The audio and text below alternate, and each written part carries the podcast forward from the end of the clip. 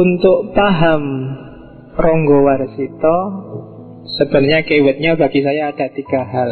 Yang pertama Kewaskitoan Kewaskitaan Kesatuan dan laku Dan yang ketiga Perputaran nasib Atau kalau di Jawa disebut Cokro manggilingan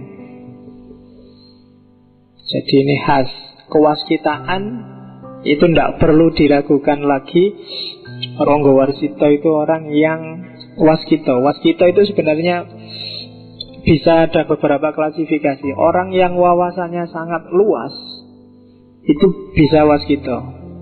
Waskito itu ngerti apa yang terjadi besok. Misalnya kalau dilihat dari hawanya kayak gini mungkin tiga jam lagi hujan akan turun. Itu tidak dari ilham, tapi kalau di Jawa namanya ilmu titen.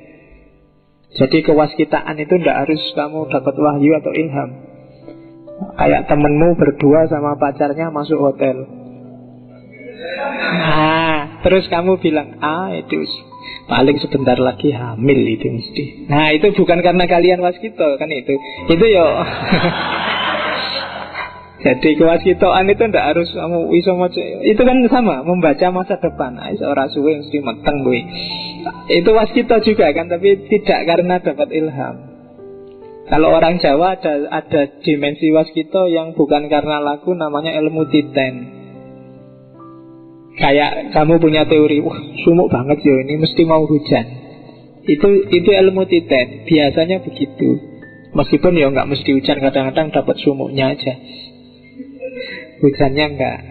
Nah itu waskito kalau bahasa Inggrisnya biasanya disebut clairvoyance. Clear, clear itu clear jelas voyant itu penglihatan. Jadi dapat penglihatan yang jelas.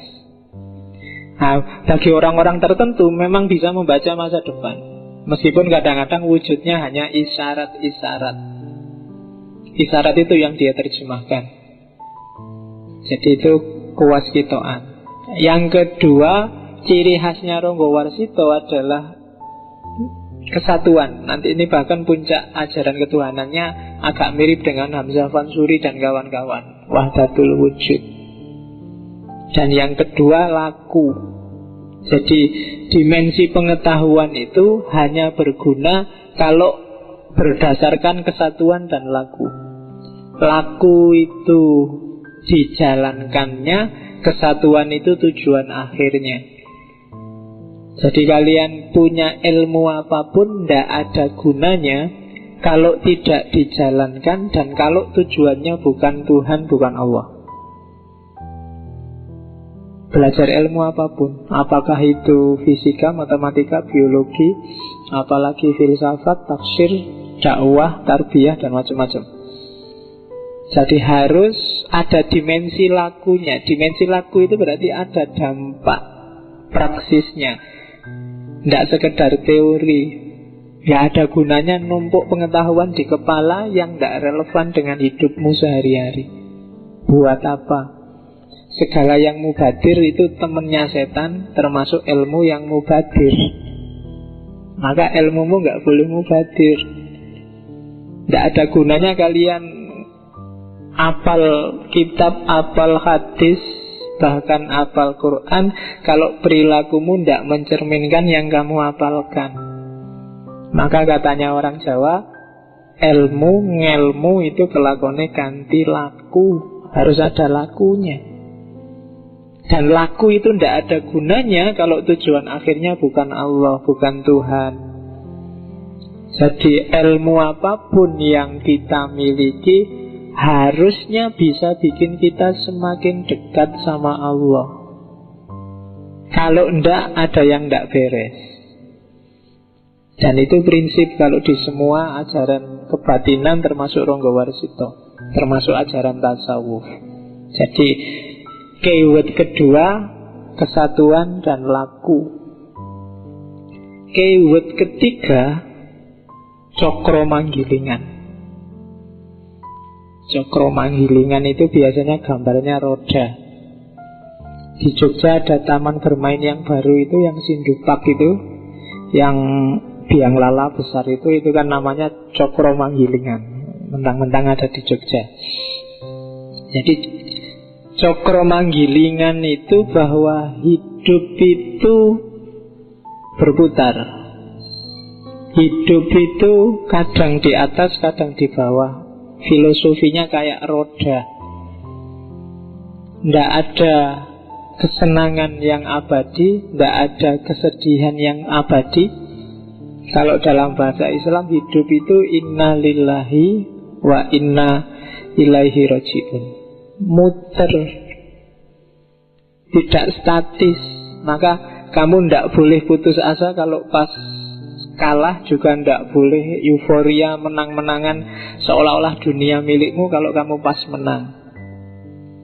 Hidup itu seperti orang apa pingsut apa pingsut itu tos-tosan. Jempol menang kalau lawan orang, tapi orang kalah eh orang menang kalau lawan kelingking, kelingking tapi menang kalau lawan gajah terus jadi muter. Jadi innalillahi wa inna ilaihi rojiun Mahasiswa takut pada dosen, dosen takut pada rektor, rektor takut pada menteri, menteri takut pada presiden, presiden takut pada mahasiswa. Nah, itu muter. nah, ya kan? Loh, itu kan cokor manggiling namanya muter. Oh, presiden kan takut sama mahasiswa. Di demo bisa turun dia.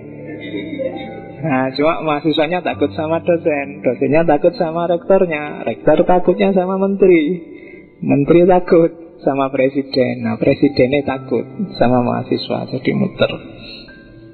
Itu cokro manggilingan namanya.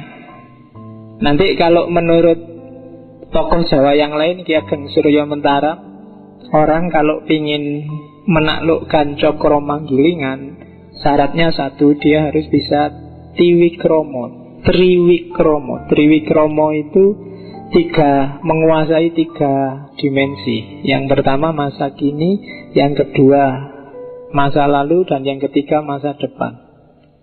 Maksudnya apa? Yang kamu alami sekarang itu akibat dari masa lalu.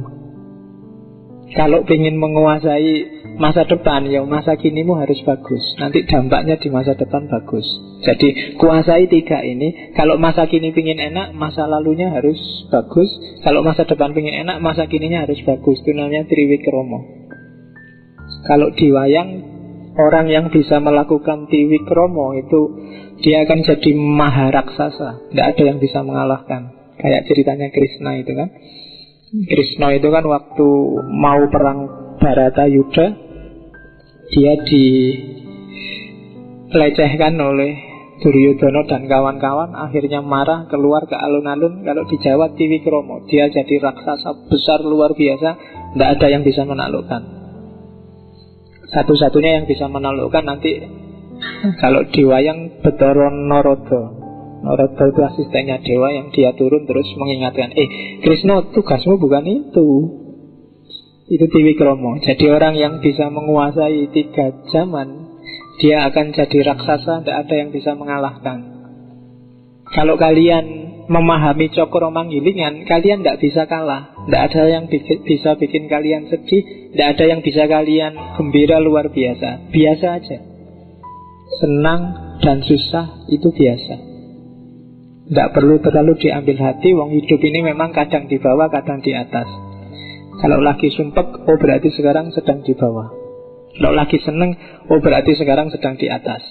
Asal hati-hati, jangan sampai rodanya rusak. Kalau rodanya rusak, kalau kamu di bawah, di bawah terus. Tidak bisa muter lagi. Iya, jadi roda rusak itu apa? Berarti harmoni alam sudah rusak. Manusia nggak bisa lagi memayu hayuning bawono. Kalau yang jahat-jahat kok buahnya enak terus, untung terus, itu berarti rodanya rusak. Kalau yang baik-baik dapat jatah sumpek terus, itu berarti rodanya rusak, jalannya nyeleweng. Harus ada yang meluruskan.